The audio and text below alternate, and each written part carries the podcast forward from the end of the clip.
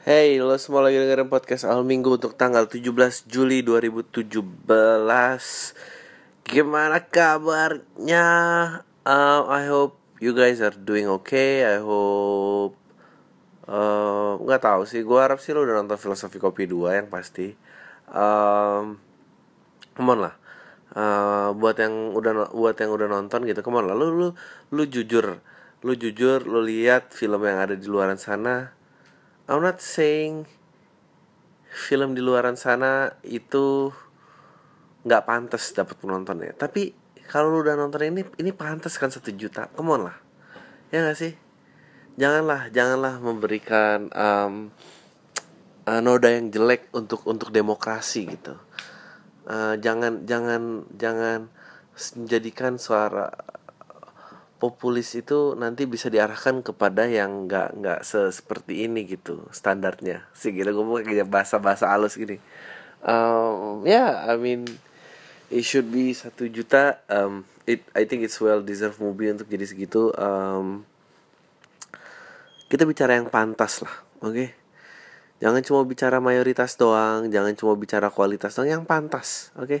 gue nggak bilang ini film yang paling wah hacep gimana tapi kalau yang lain boleh sejuta dua juta yang segini ya boleh dong sejuta gitu. Um, by the way gue bangga banget sih sama lo semua gitu yang biasa ya pendengar podcast ini frekuensi sekitar 4000 sampai 5000 gitu. Ya cuma 10 orang lah yang masih nanya bang uh, kok podcast belum tahu? Belum ada ya bang. Ini ini, ini. lo tau gak sih? Dari 10 orang itu ada lagi yang sih yang lebih nyebelin yang selalu bilang kayak uh, karena pada tahu ngikutin Instagram gue atau Twitter gitu kayak tahu gue lagi pulang kampung oh kalau lagi ini ya udah bang. Ini ya, inkonsistensinya termaafkan. Anjing. Anjing sekali ya sekali ya Allah inkonsistensi. Gue gue bingung tuh orang-orang yang menggunakan uh, perkataan seperti inkonsistensinya kayak emang lu udah kenal gue kayak apa? Gue nggak ada lagi yang nggak nggak nggak sejauh ini gue cukup konsisten dalam nggak ada yang gue mau puji diri gue tapi malas terus uh, termaafkan. Anjing kayak kesannya gue buat salah gitu. Lu buat lu lu emang hidup sehari-hari tuh ngerasa gitu ya ngerasa yang lain tuh berhutang gitu ya lu, lu ngerasa kalau jalan tuh pede di atas. Yang lain harus mempersembahkan biar hari ini gue ngerasa oke. Okay. uh, sebetulnya um, ya gue buka aja ya. Slot kemarin sebetulnya gue persiapkan um, untuk angga uh, karena gue memang sengaja waktu itu tiga kali pengen tiga kali ya demi demi mempromot uh, filosofi kopi dua. Dan gue tadi dia pengen hamin satu terus hamin satu doi sibuk seharian pas gue kira begitu udah film rilis uh, tadinya tadinya ada momen pagi-pagi um, pengen rekaman tapi nggak jadi karena ternyata sibuk juga. Gue nggak tahu sih hopefully gue bisa uh, episode tetap gue kejar. Um, tapi ya gue gue uh, jujur lagi bertanya-tanya sekarang uh, dengan gosipnya SoundCloud meskipun katanya duitnya tinggal lima, buat 50 hari lagi udah uh, habis bla bla bla terus dia udah bantah. SoundCloud nggak akan ke mana-mana begitu juga musik anda dari du dari du dari du uh, putus awal minggu tuh hampir 2 tahun. Uh, I think uh, 3 3 Agustus ya dan gue gak tahu dengan dua tahun ini gue nggak tahu ini harus ke mana. Uh, apa SoundCloud juga gonjang ganjing gitu dan uh, apa pun itulah yang lu semua sering saranin Patreon apa can someone explain to me? Gue aduh gue juga lagi sibuk banget sih dalam hidup gue uh,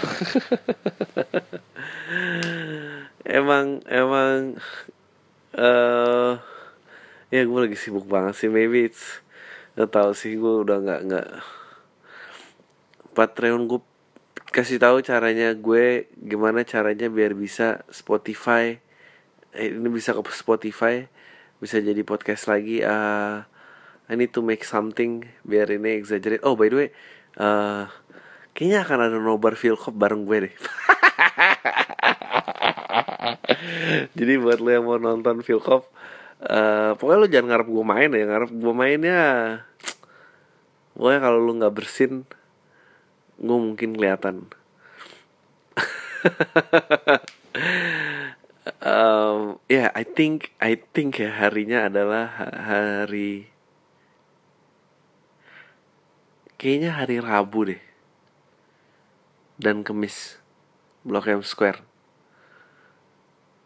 pokoknya Rabu dan Kamis either jam 5 atau jam 7 atau jam 7 jam 9 gitu.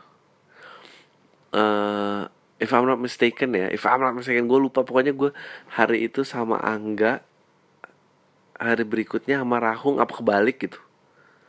Ya kita lihat lah uh, impact seperti apa gitu. Kalau eh, kan lo semua pada nanya nih kopdar kopdar. Ya mendingan kopdar aja sekalian nggak? Kopdar uh, abis itu masih bisa ngeklaim kopi kayaknya di Blok M Square. So kalau mau nongkrong kayaknya mungkin ya anjing gue malu sendiri mau promosi. Ya gitulah kira-kira um, ya so iya.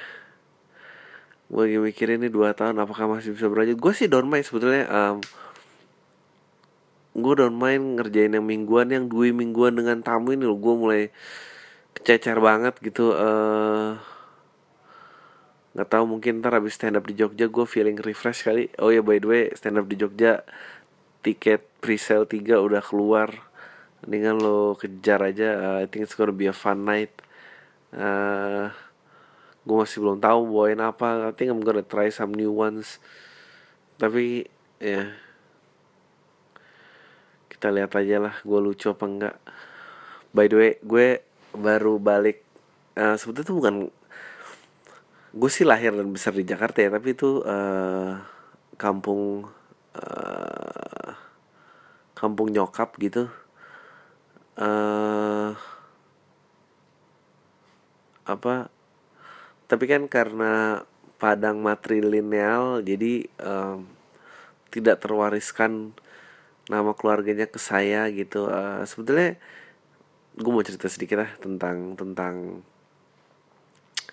tentang perkampungan ini gitu. Gue uh, kampung gue sih kampung oma gue ya kampung oma gue karena kan linearnya ininya kan um, apa namanya uh, matrilineal ya gitu. Uh, jadi lewat oma. Jadi sebetulnya nama marga sedih juga sih gue kalau inget-inget kayak gini.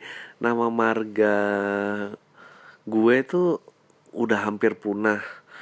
Karena uh, dari neneknya nyokap gue itu cuma satu-satunya perempuan nenek dia. Nah nenek dia itu cuma punya dari eh, kayak anaknya beberapa tapi cuma dua uh, punya dua anak perempuan yaitu oma gue dan uh, eh apa nyokapnya nyokap gue sama uh, nyokap sepupunya nyokap gue gitu. Nah nah dari dari dari dua perempuan itu anaknya yang perempuan ada tiga dari oma gue nyokap gue dan dua kakaknya yang di sebelah sana cuma satu. Jadi ada empat ahli warisnya ya.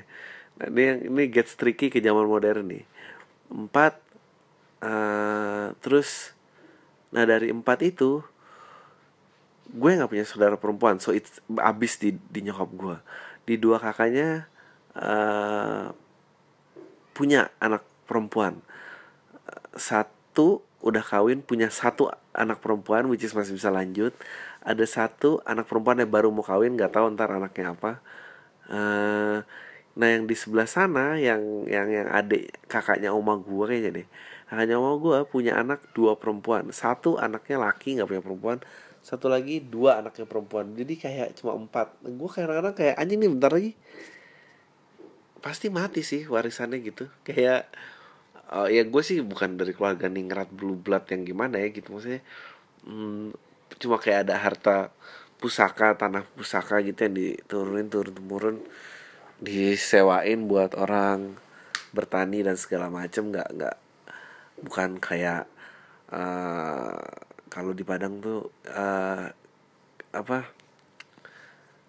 di Padang tuh Koto Gadang ya Koto Gadang tuh kayak dulu Depoknya gitu loh Depoknya Jakarta gitu katanya. Jadi kayak uh, apa Belanda-Belanda yang memutuskan untuk berasimilasi dengan masyarakat menurunkan wisdom dan apa mengkickstart you know mengkickstart gerakan cendikiawan dan apa. Dep Depok dulu juga seperti itu kan.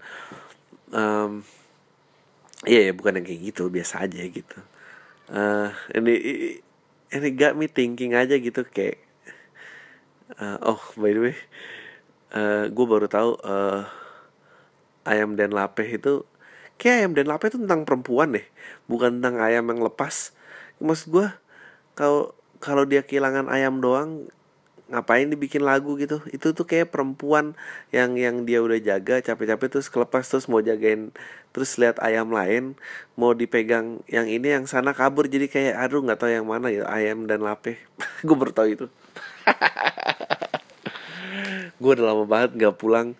Terakhir pulang I think gue ke kampung gue cuma tiga kali was I think katanya nyokap gue pertama kali gue satu tahun and then tahun 95 and then terakhir tahun 99 adek gue sih sempat balik lagi tahun 2002 tapi gue lagi kuliah waktu itu kayak surely like gue tuh kayak kepikiran oh by the way gue gue tuh sangat menikmati.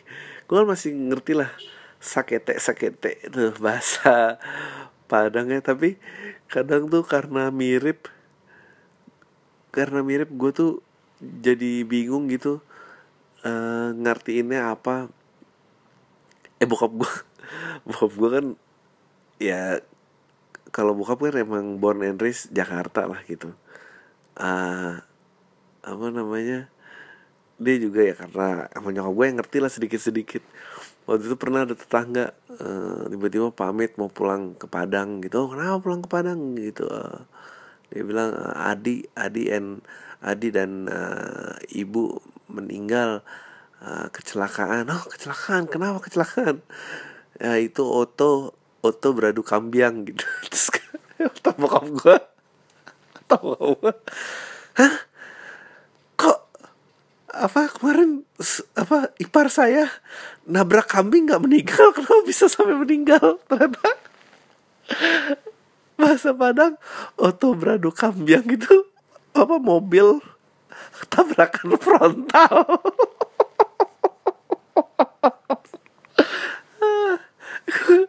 Gue masih ketawa denger cerita itu. Oto oto apa ya inilah emang apa uh, ya analogi itu penting ya dalam hidup. Ya ayam dan lape perempuan oto beradu kambing beradu ka. Ya orang tuh sering lihat orang frontal tuh apa kambing nah, kenapa dia nggak bilang berhadapan tabraknya berhadapan beradu kambing kita kira mobilnya ber, beradu dengan kambing Wah, gue kayak mikir anjing kambingnya seberapa banyak kami pada mati. Orang lagi pada mau berduka jadi pada ketawa. Aduh. Gue tuh kayak ngomongin apa tadi? Koto gadang. Oh ya ya koto gadang nggak salah ya pokoknya gitulah. Uh, ya siapa aja sih pokoknya banyak lah cendekiawan sejarah Indonesia. Gue ngeri salah nih. Tadi gue juga baru ke museum uh, Ta Taufik ah shit. Taufik ah pokoknya apa sastrawan Indonesia. Gue lupa namanya siapa tuh bentar.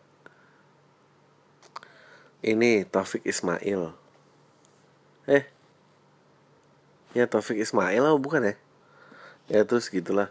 Um, ada siapa aja tuh? Tan Malaka Sultan Syahrir um, Muhammad Hatta. Gue lupa siapa aja yang kota Gadang. Um, ada eh pokoknya kalau lo mau lihat ada apa aja tuh lo lihat Instagram istri gue Ibu Kalbi. Eh got me thinking ya dan dan gue balik tahun 99 terakhir balik ke gue bukan mau menghina gimana ya mau menghina gimana? Di kampung gue juga. 2017 so almost 20 year 18 tahun dan anjir gitu-gitu aja ya gitu. Gue kadang-kadang tuh mikirin gue jadi kepikiran gitu how how to how to kickstart a civilization gitu yang Uh, ken kenapa manusia mau berusaha lebih kenapa manusia mau achieve lebih gitu kenapa manusia mau make progress gitu dalam hidupnya. Gue ya oke okay lah kita sempat ada peristiwa-peristiwa kayak uh, uh, yang mengkolonialisasi kolonialisasi akhirnya berasimilasi untuk untuk untuk apa? Untuk mendidik yang lain nyebarin yang lain lahir kaum kaum cendikiawan bla bla bla. And, and then society berputar nah uh, gue tuh jadi mengerti bah gue gak membenarkan akibatnya gitu eh nggak membenarkan uh, tindakannya tapi ya pantas ya dulu penjajah tuh dulu sifatnya sering ngebasmi uh, apa namanya penduduk asli. Gue nggak bilang itu cuma kayak mau diajak maju juga gimana diajak maju gitu. A ada ke ke apa gap yang yang akhirnya nggak bisa disusun lagi gitu dan nggak tahu uh, perubahan itu bisa seperti apa disuapin. Gue tuh lama-lama jadi kayak ya benar gitu ya nilai-nilai kapitalisme tuh benar gitu harus ada persaingan harus ada apa karena dengan gitu orang jadi berasimilasi mau mau mau mau melakukan inovasi-inovasi meskipun suatu saat gue yakin eh nggak tahu ya. Tuh gue pernah lu pernah ngobrol sama ini sama siapa ya gitu. Uh, untuk mengkre, untuk menciptakan kayaknya sama sama Sam kalau nggak salah. Untuk menciptakan utopia dalam dalam dalam dalam peradaban gitu semua berakhir di komunisme gitu. Which is benar gitu. Kalau lu disuruh Oh lu disuruh jadi pemimpin negara dan lu menghayal gimana caranya memerintah sebuah peradaban atau wilayah Lu pasti secara nggak sadar membuat itu sosialis dan komunis lah maksudnya. Nggak ada lu lu nggak lu nggak pengen bikin kapitalis gitu yang punya modal yang punya akses pendidikan dan apa uh, uh, diadu langsung sama yang lain. Tapi tapi kadang tuh kayak lu tuh sering ke ini gak sih kayak kooperasi-kooperasi binaan dan atau uh, museum gitu. Kan gue tadi kemarin ke main taman budaya dan apa itu itu institusi-institusi yang paling menyedihkan sih lihatnya kayak kayak ya nggak tahu ya udah udah males juga nggak tahu. Betul perubahan nggak boleh jadi jadi terlalu cepat tapi uh, instansi-instansi yang didukung dengan subsidi seperti ini tuh apa gitu? Mau diapain jadi jelek jadi ini. Ah mentalnya nggak bagus. Apa emang harus kayak apa ya kayak diputar pelan-pelan tarik sini masuk keluar. Tapi nggak boleh berhenti gitu. Pemutarannya subsidi harus berkurang biar lama-lama jadi mandiri. Sebetulnya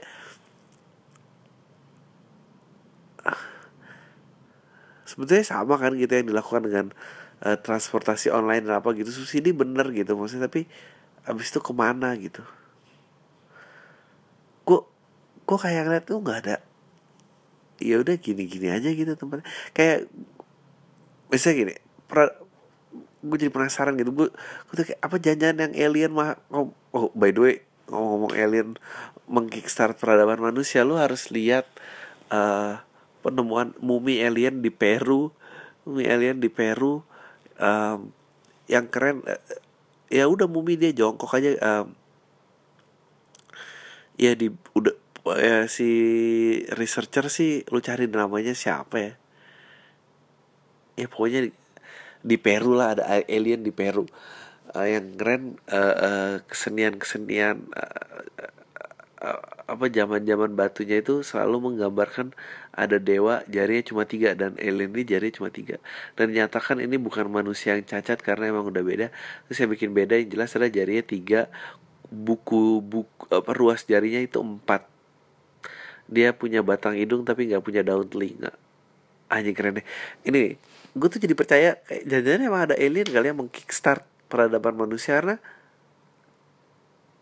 karena karena mentok ya uh, ya mungkin mungkin uh, uh, dengan zat-zat yang bersifat halusinogen dan apa oke okay, itu bisa mengkick imajinasi manusia apa penemuan bahasa juga katanya banyak uh, pertama kali manusia berbahasa tuh ba banyak dipengaruhi dengan uh, cannabis dan segala macam. Ya tapi mentok sampai di mana gitu kayaknya kayak ya pasti manusia lahir berusaha menaklukkan alamnya berarti kayak dia berusaha dari hewan buas apa. Tapi manusia tuh pintarnya cepet gitu. Tapi itu dia udah cukup lihai uh, terus apa gitu.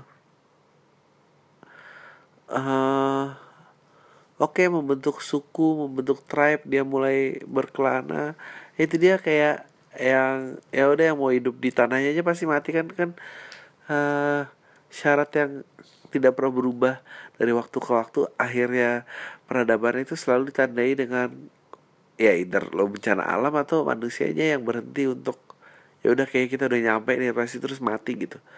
Uh, ya Yunani kan katanya kayak gitu ya kalau nggak tahu bener apa oke berarti so ini kalau itu dikatakan seperti sosialisme atau komunisme uh, berarti itu mentok di situ tapi tapi kan ah, nggak tahu juga ya.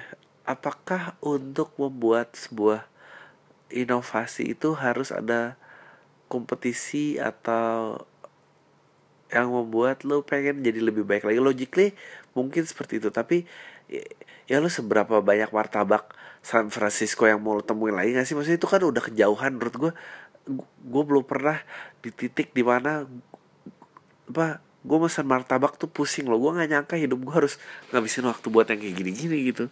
Ya kan? Tapi uh, di sisi lain ya nggak tahu juga ya. Aduh nggak nggak tahu lah nah kadang-kadang gue tuh jadi suka kepikiran aja gitu kalau dari zaman batu.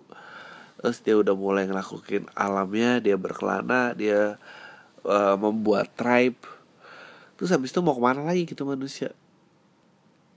Ya pasti kan ketemu tribe lain itu kan yang membuat kompetisi ya kan maksudnya oh ya gini dari dimakan atau enggak diajak gabung atau dibunuh gitu which is kebanyakan masih dibunuh gitu dan itu pasti berlanjut terus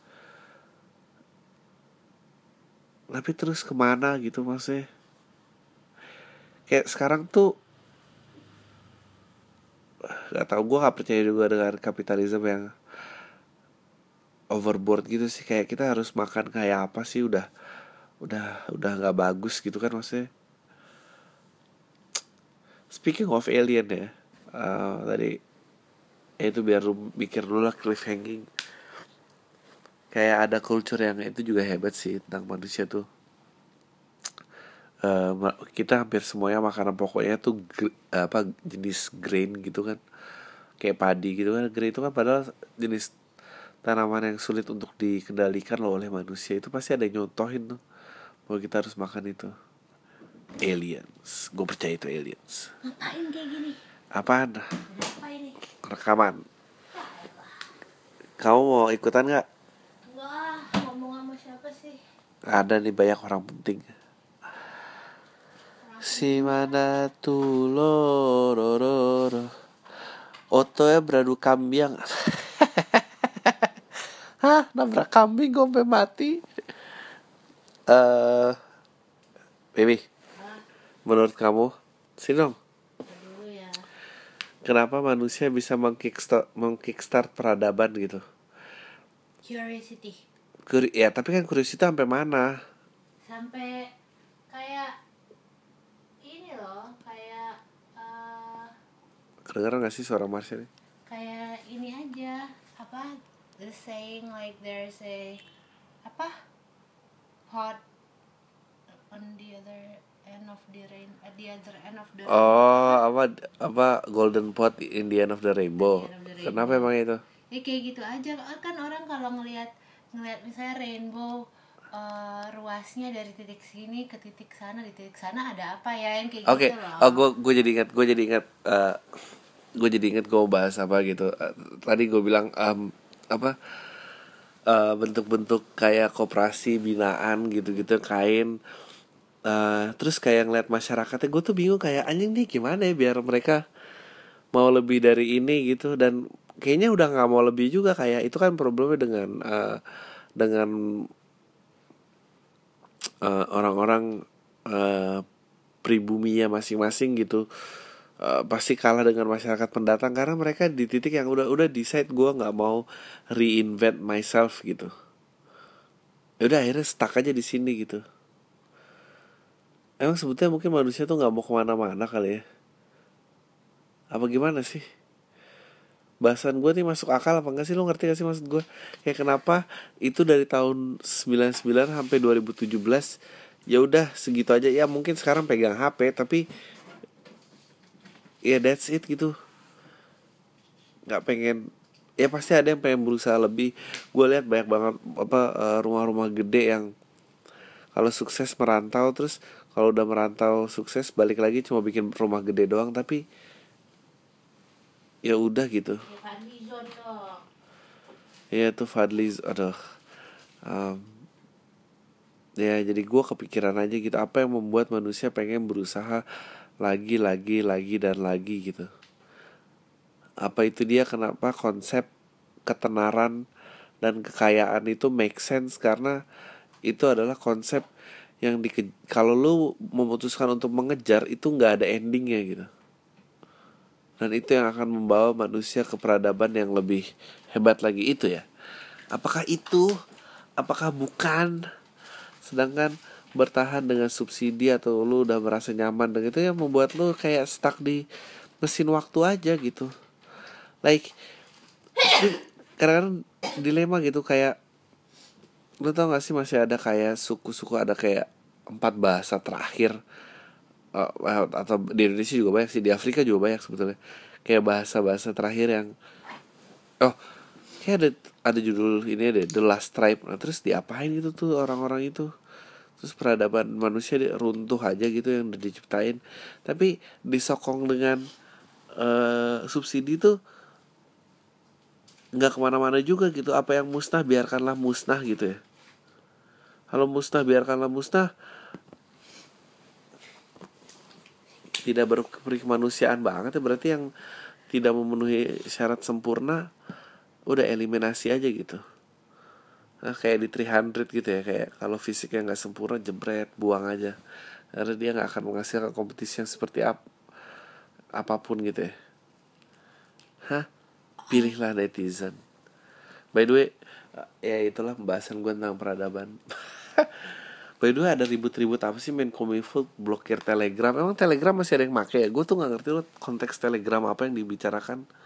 Telegram yang Halo apa kabar? Spasi Tanda tanya gitu. Terus ditimbang yang itu ya. Emang masih ada yang make apa? Udik banget sih. Udah gue masuk ke pertanyaan aja. Yes. Ayam dan lape. Ay ay Baby Coba nih ada yang nanya nih lucu banget nih. Gak lucu sih Nyebelin. Dia bilang Bang Gue salah satu Gue satu yang ikutin saran lo Jadian aja sama yang mau. Dan akhirnya gue jadian lah sama cewek. Terus pas kiss kok berasa lah hambar. Terus goblok banget. Terus gue ajak ML Tadi ada nolak Mau gue jadiin alasan putus. Eh ternyata dia mau. Nah sekarang pacaran gue Berasa hambar. Pernah gak bang kayak gitu? Goblok. Eh, Nah sekarang gue bingung cari alasan buat putus Kasih saran dong. Terus pernah gak sih ngerasa pacaran tapi hambar gitu? By the way Eh, makasih juga bang sarannya sih lu gara-gara itu lumayan dapat pra aduh kenapa sih orang-orang kayak gini masih ada aja di bumi ini? Ya lu lu salah sendiri eh, ikutin saran orang yang sifatnya komedi lu ikutin eh, ya lu dan lu kejebak eh ya gue nggak tahu cara mutusinnya gimana selain terus terang. Kalau lu nggak pernah suka ntar dia akan histeris pasti ih menurut gue lu tuh ngambil saran gue cuma setengah maksudnya eh tap me- mestinya lu suka eh apa lu pacarin tapi lu akhirnya bener-bener oh yaudah gue gua sayang baik-baik daripada usaha capek gitu bego. Eh eh ayam dan lape ya gitulah nggak tau lah. Uh,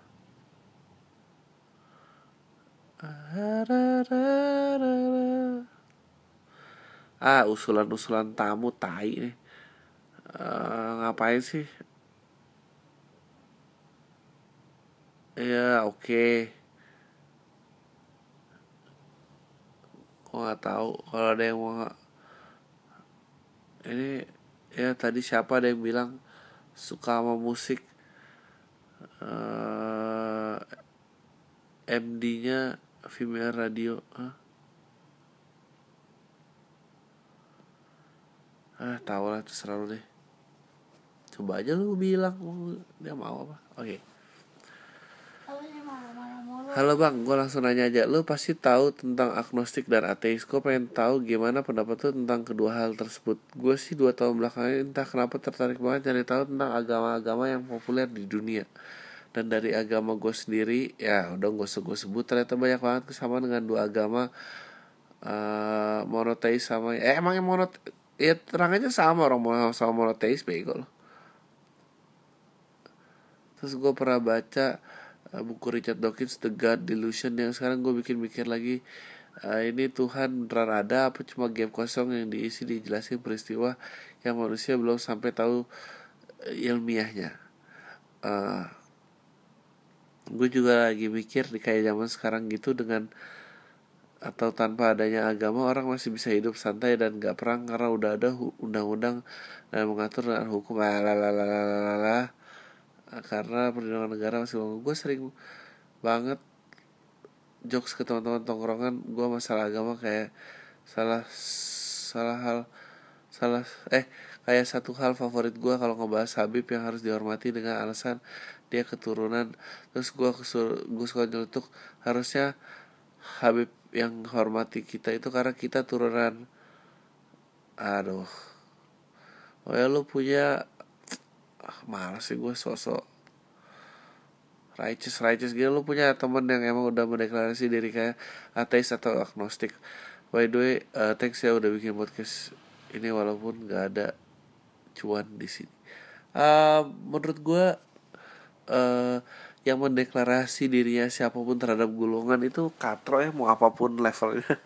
Mau agnostik ateis dan apa menurut gue uh, itu hal yang sangat pribadi dan apa ya itu perjalanan uh, orang yang jauh harus ditempuh untuk uh, untuk benar-benar ngerti itu siapa gitu. Uh, gue nggak sendiri gue sendiri uh, kalau Sir Richard Dawkins gitu gue gue nggak gitu seneng juga karena menurut gue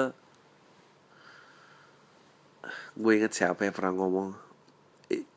Pokoknya hidup itu terlalu sulit untuk menjadi pointless. Wah itu kayak wow itu ngebuka banget ya gitu. Um, ya gitu sih. Kalau lo gue sih nggak ya buat gue hal-hal yang gini bukan hal yang baru ya. Semoga lo menemukan pertemanan yang tepat aja uh, dan lo nggak nggak nggak merasa lu di atas orang lain gitu atau lu merendahkan apa yang bisa dipeluk oleh orang lain. Uh, karena bibit-bibit seperti inilah yang akan uh, membuat dunia ini uh, rusuh. Ya gitulah Halo bang minta rekomendasi beasiswa luar negeri yang full tapi jangan umum kayak LPDP karena saingannya berat. Aneh gak sih? Gue lebih tertarik negara-negara Skandinavia dibanding USA atau Inggris. Ya iya enggak lah nggak aneh. Itu namanya lu pintar. Ngapain ke US katro gitu? Kayak seru lanjut kuliah di sana. Makasih bang. Apaan? Beasiswa yang nggak LD LPDP Skandinavia uh, Sweden banyak beasiswanya. Apa uh, Lund University kayak punya beasiswa sendiri. Apa Luni Lund Lund University punya beasiswa sendiri terus?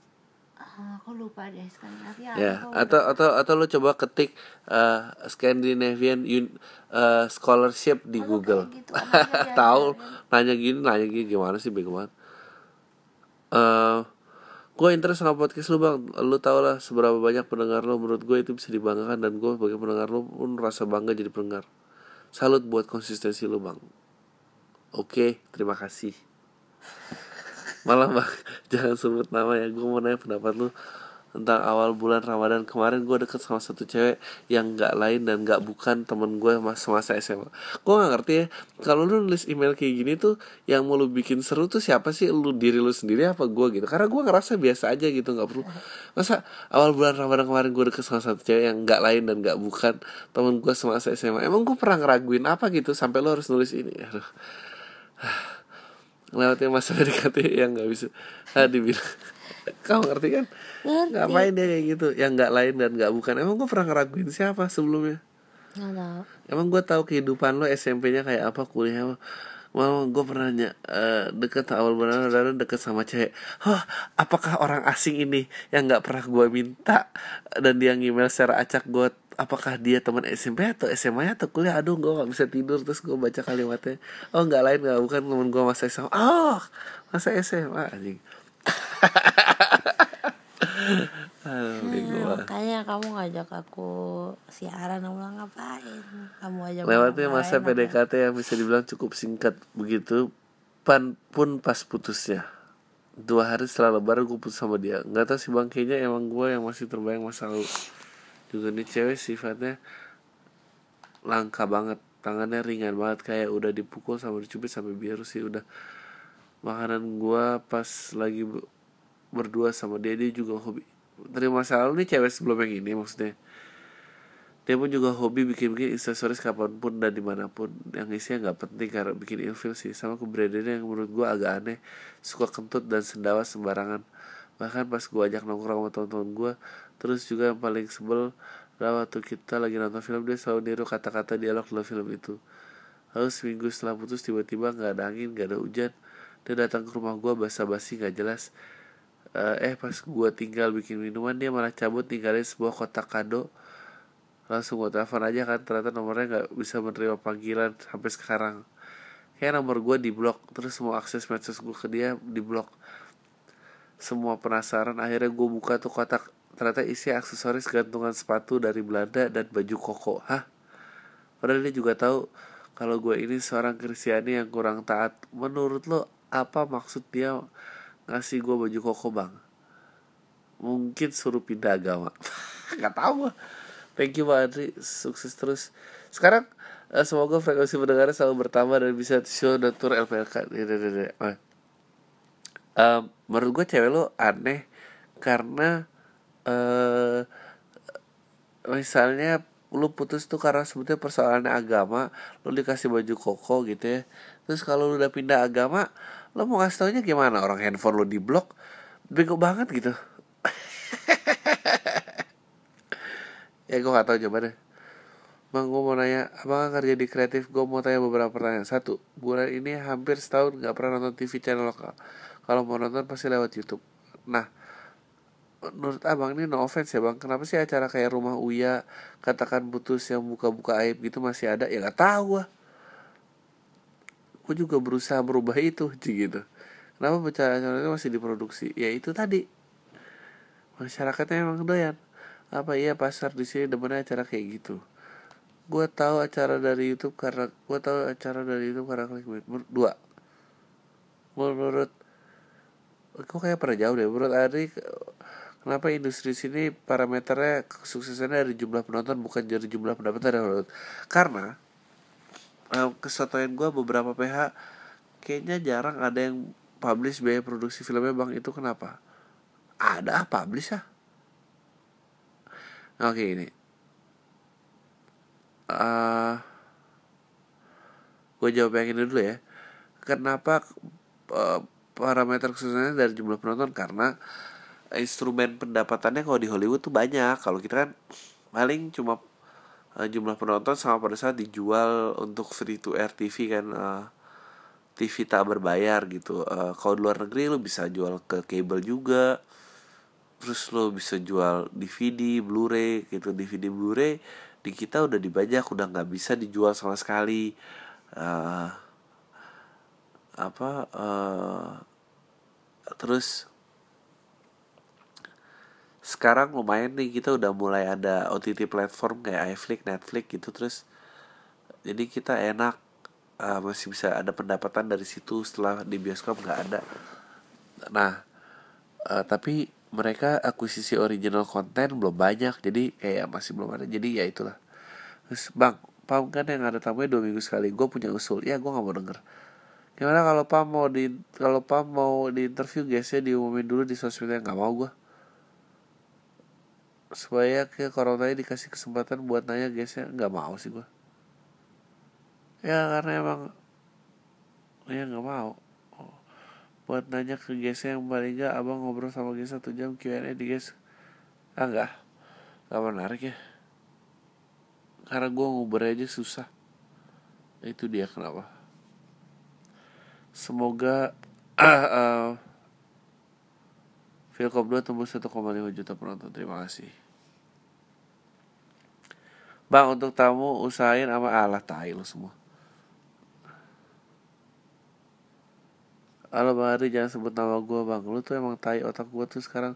Perlu berseliweran kata-kata Tai lu gara-gara satu setengah tahun dengerin pam. Mungkin gue udah jadi kolam tai garis keras bang. Setiap hari Gue dengerin pam minimal 3 episode. Setiap hari di kantor sambil pura-pura sibuk Bisa gue bilang semua episode pam Gue dengerin lebih dari sekali. Wah lu sakit jiwa lo Ini email pertama gue selama satu setengah tahun dengerin pam. Gue bersemangat email karena sepertinya pam di beberapa episode terakhir Mulai sedikit yang nanya. Karena bisa otak gue kayaknya ini saat gue kirim. Oke. Okay. ya gue anak rantau dari Semarang udah empat tahun di Jakarta punya pacar dan dia beda agama. Kita sama-sama udah kerja uh, dan masih lanjut kuliah di sini. Ya gue juga bukan yang taat-taat banget pacar gue ini lebih tua dua tahun. Eh eh lebih tua. Udah bareng sekitar dua tahunan. Doi secara usia uh, perempuan sudah matang dan pantas. Gue jujur pengen ngajak dia nikah. Jadi teman hidup gue bang. Asal dia mau masuk agama gue Allah. Uh, hal itu udah sering kita obrolin tapi kelihatannya dia masih ragu. Ya lu juga nggak taat-taat banget ngajak orang ke agama lu gimana sih? Gue juga nggak masalah kalau seandainya dia nggak mau bang gue akan ikhlas ngelepasin dia. Meskipun gue sayang banget dan ngerasa dia soulmate gue sekarang sudah hampir enam bulan kita memutuskan untuk untuk gak pacaran. Tapi setiap hari masih ketemu dan jalan bareng seperti biasa gak ada yang berubah kecuali sekarang tanpa status sebagai pacar. Ambil jatah masih anak katro kita berdua udah sama-sama tahu akhirnya uh, kita yakin kalau Tuhan sudah punya rencana yang lebih baik untuk lebih baik untuk gua dan doi. Astagfirullahaladzim banyak banget sih nih Mel. Uh, sekarang gue udah di posisi siap dan ikhlas. Apa bahkan gue ikhlas kalau sekarang dia suka atau dapet cowok lain asal cowoknya itu seagama dengan dia doh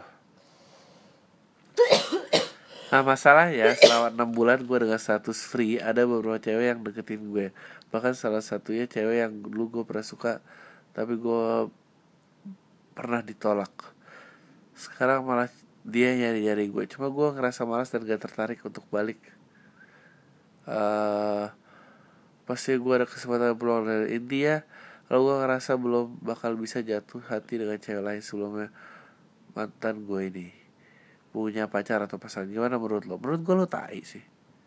Uh, menurut gue kalau nggak taat ya jangan ngajak orang pindah lah uh, menurut gue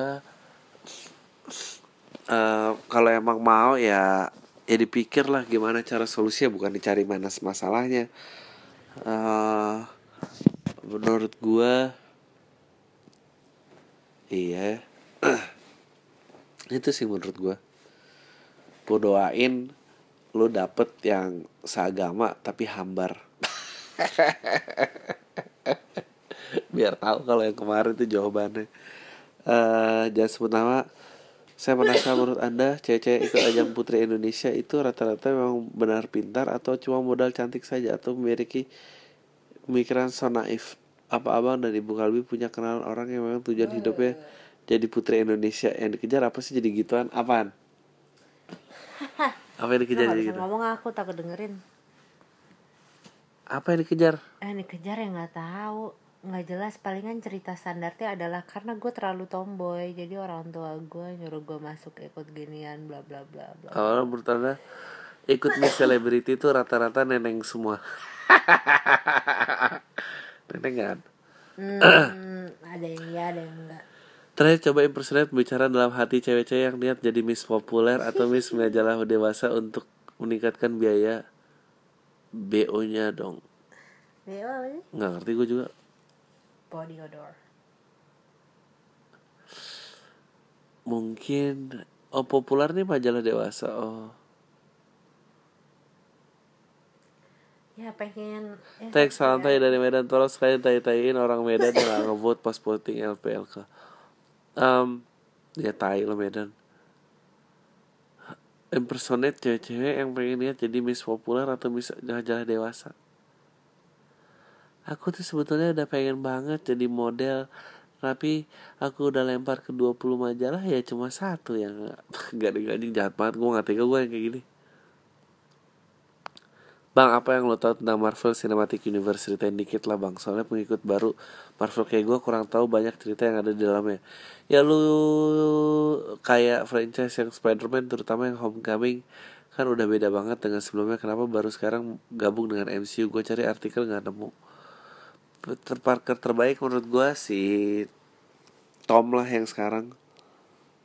Uh,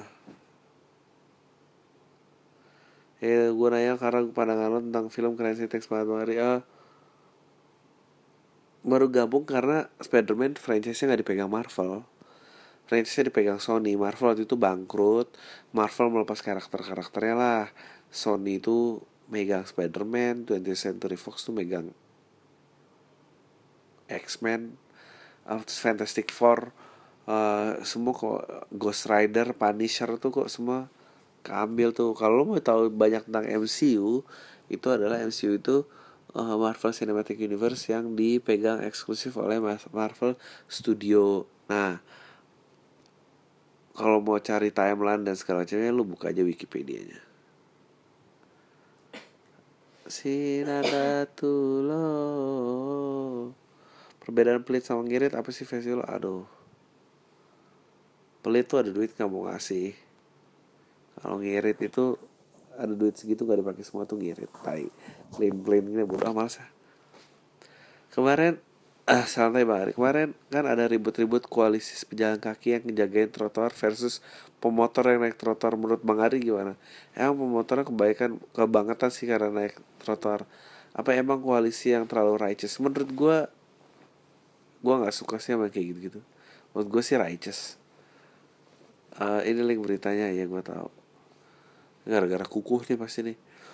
Yang jagain trotoar memang rasanya jagain hak pejalan tapi ada emang undang-undangnya. Dan ada emang yang pemotor rasa ini urusan perut jadi emosi yang berlebihan. Netizen yang budiman jelas pada bilang koalisi karena jalan kaki karena netizen kan budiman. Wajib berlaku baik dan benar. Nah, harus sesuai aturan undang-undang yang berlaku. Tapi anehnya sih bang, kalau kejadian dibalik pas ada penegakan peraturan penertiban oleh pemerintah ke penghuni luar di Belantaran kok netizen masih ada yang belain pelanggar peraturan? Ya emang nggak ada. Anti pemerintah atau emang selalu double standar menurut gua akan selalu double standar lah. Netizen tuh orang juga menurut gua. Dia akan cuma belain yang menurut dia memudahkan aja. Tapi nggak ada yang tahu gimana. Halo Pak Ari salam.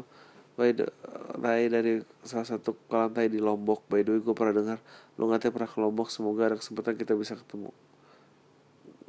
Enggak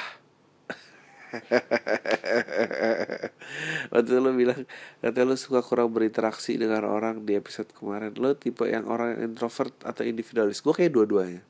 Yang orang gimana yang cocok sama lo itu kayak gimana bang? Gue juga ada kecenderungan individualis yang cocok sama gue yang nggak ngaku individualis gak deh gak tau ya gue cocok sama gue gak banyak gak, dan gak apa-apa.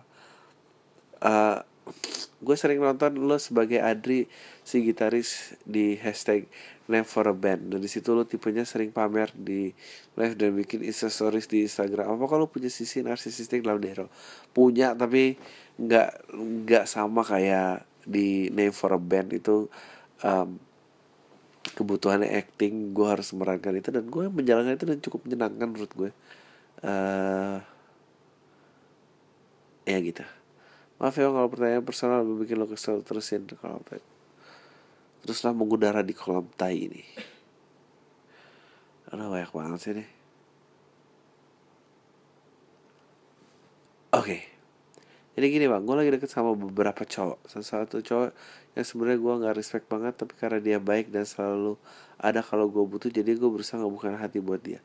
Tapi bang, semakin ke sini ada beberapa sifat dia yang bikin gue ilfil banget. Jadi dia tuh ngatain salah satu fisik gue yang buat dijadiin bercandaan. Kayak misalnya panggilan pesek atau rambut keriting. Kayak orang-orang di luar sana sih. Gue bisa sedikit mentolerir karena mungkin masih ada kesan lucunya buat dijadiin panggilan tapi kalau udah ngatain ke bagian fisik like buah dada, bokong atau bagian tubuh intim lainnya gue risih dan menurut lu gue itu nggak banget. Menurut lo nih, cowok ini emang bercandaannya begini atau memang dasarnya kurang ajar sih? By the way, gue termasuk orang yang suka bercanda juga bang, gak pernah baper soal bercanda. Tapi kalau tahu punya orang yang begini sih gue agak bisa diem atau gue marahin atau gue jauhin. Sekian bang, thanks sudah mau dibacain santai. Ah, uh, gimana? Menghina fisik-fisik yang kamu minder. Kita kan sering nih hina-hinaan aturannya gimana? Aturannya lagi dalam kondisi nggak saling marah. Iya betul. Bukan buat menghina aja. Ngatain buah dada bokong atau bagian tubuh intim lainnya juga nggak apa-apa kalau emang lucu sih. Ya asal jangan buat marah sih. Jangan buat memaki. Lagi dalam kondisi mesra mesra hatinya lagi saling ih Halo Bang Ari, gue seneng banget waktu lo bahas beberapa serial yang lo tonton ternyata cukup banyak yang sama gue dengan gue tonton. Gue pengen tanya dong berkaitan hal tersebut. Anjing ini ribet banget nih. Buat lo office prank apa yang dilakukan oleh Jim yang kedua? Aduh gue udah lupa main gue harus nonton lagi. Gue personalnya Jim waktu jadi orang Asia. Aduh gue nggak tahu tuh. I think taruh stapler di gel lo cukup Aku lucu. Aku merasa buat scrap momen apa yang paling sedih? Banyak scrap banyak banget yang sedih. Enggak acting luar dokter oke. Okay. gue akhir kegandrungan SNL bla bla bla. Bisa nggak sih SNL diterapin di Indonesia? Dulu ya ada namanya extravaganza. Tapi ya begitu ganti case langsung berantakan. Ya terus karena stripping dan segala macam ya berantakan lah. Anyway gue berharap acting karir lu bisa seperti Creed di Office. Tai bentar doang tapi berkesan uh, berkaitan sama sama musik 80-an gue pengen nge-share video dari film Bill Hader terfavorit Skeleton Twins. Bagus lo guys mungkin. Oh Bill Hader favorit gue Skeleton Twins. Bagus lo guys mungkin lo bisa pada nonton. Oke. Okay. Philcop Malang. Hmm? Philcop dan LPLK Malang. Gue udah nonton Philcop pas hari pertama jujur bukan film yang bagus banget yang mind blowing enggak but I really enjoy definitely worth every penny cie gitu. Bukan film Indonesia yang terpaksa gue tonton. Sampai habis karena udah terlanjur bayar tiket dan snack mahal cie. Uh, yang ngomong-ngomong kayak gini gue pengen tahu yang mind blowing tuh buat lo kayak apa sih film Indonesia? By the way yang lo nyelip di situ jatuhnya cameo apa extras? Feeling gue sih kategori extras tapi bayaran cameo. Soalnya kalau bayar dada pas premier mana boleh dibolehin speech. Ah bercanda bang. Ya lu nggak tahu gue siapa sih sebetulnya. Uh, setelah promo Philcop request ah, oke okay, males. Gue tadi udah jelasin kenapa enggak uh, semoga gue ada kesempatan buat kerja lo atau dia. Nggak ya kayaknya. Cikir Beda gue masih kuliah di Malang gue mau bantu LPK ke Malang. Oke okay. pro and consnya segitu aja. Sorry kepanjangan. Ini tai banget ya orang Pro Malang itu kecil jadi event gampang nyebar. Gue kepikiran sebetulnya Malang. Gue sering kontak-kontakan juga sama komunitas. Yang tanya adalah kan pronya disebutin beberapa kontranya adalah gue nggak punya gambaran beberapa nyiapin harus budget. Gue nggak punya masa mungkin bisa tanya-tanya ini malah nah itu dia. Kontra lo tuh yang bikin gue susah gitu. Satu juta mah dapat bang. Insya allah gue tembus semangat. Terus minta jatah layar 21 nggak dapet sih feeling gue nggak tahu sih kalau malam bang Adri gue cuma bilang uh, kalau sebagai salah satu wujud dedikasi terhadap PAM maka gue bakal naruh link episode-episode PAM yang sesuai sama topik yang lagi gue tulis walaupun yang baca cuma 100 orang. Semoga ada beberapa orang yang nyantol dan terbuka pikiran. Semoga gila. masuk surga kolam tai holik kenapa kamu gila? Apa? kenapa? Mungkin karena aku hidup sama kamu ya? Sukses ya. Leto salam pendengar setia dari Osaka. Hah Arigato hey. eh, ini uh, buka uh, WordPress dia nih. Atana at A T H A Atana Sius Rin. Susah banget sih. Atana Sius Rin. W R I N. What? ya gitu deh. Sopan santun etika menurut lo bang topik satu kesatuan atau dua hal yang berbeda? Umumnya waktu kita kecil selalu harus sopan santun kepada yang lebih dewasa seperti melakukan saling berbicara suara rendah pakai tangan kanan. Sedangkan etika kita belajar dari lingkungan atau contoh sikap dari mana pun siapa pun seperti mendahulukan perempuan ladies first dan sebagainya. Menurut lo dan ibu Kadi Kalbi perlu nggak sih diajarin dari kecil literatur pendidikan yang benar mengajarkan etika tersebut? Menurut gua nggak masalah sih hormat sama orang tua nggak ngebayangin kalau waktu ada yang akan datang masih ada kembali menjadi ketua DPR setelah seluruh rakyat mendengar percakapan yang tidak pantas. Nggak ngebayangin di waktu yang akan datang masih ada yang ngasih reportase kehidupan artis terbukti melakukan cabul dengan sama jenis dan di bawah umur. Kata orang timur penuh dengan sopan santun dan etika hal gitu yang masih dianggap wajar. Tai salam tai PS acting lo film doang cuma sebentar doang bang. 7 detik kali. Semoga ada kesempatan lain kali ya. Orang-orang tuh kesannya kayak gue kecewa banget gitu ya. Eh kamu tuh um, gue gak tau sih ini harus jawab apa. kayak anggaplah 7 detik ya. Kayaknya dia bener deh. Itu syutingnya berapa lama? Eh Berapa jam? syutingnya oh syuting gue sih sebentar nggak nyampe. Oh bentar. Nongk- nungguinnya yang lama ya? Oh, enggak sih. Karena my scene was I wasn't even supposed to be in Philcop 2. oh Terus tiba-tiba lagi apa gitu aku lagi nge-review apa gitu lupa. Terus tiba-tiba eh lu sini aja dia langsung nge-roll langsung jalan tapi kalau orang lain sih nggak tahu. oh Bang, LPL keluar kota Bandung perkembangannya gimana? Ada deh, ntar gua kabarin. Ada, tail semua deh. Enggak. satu satu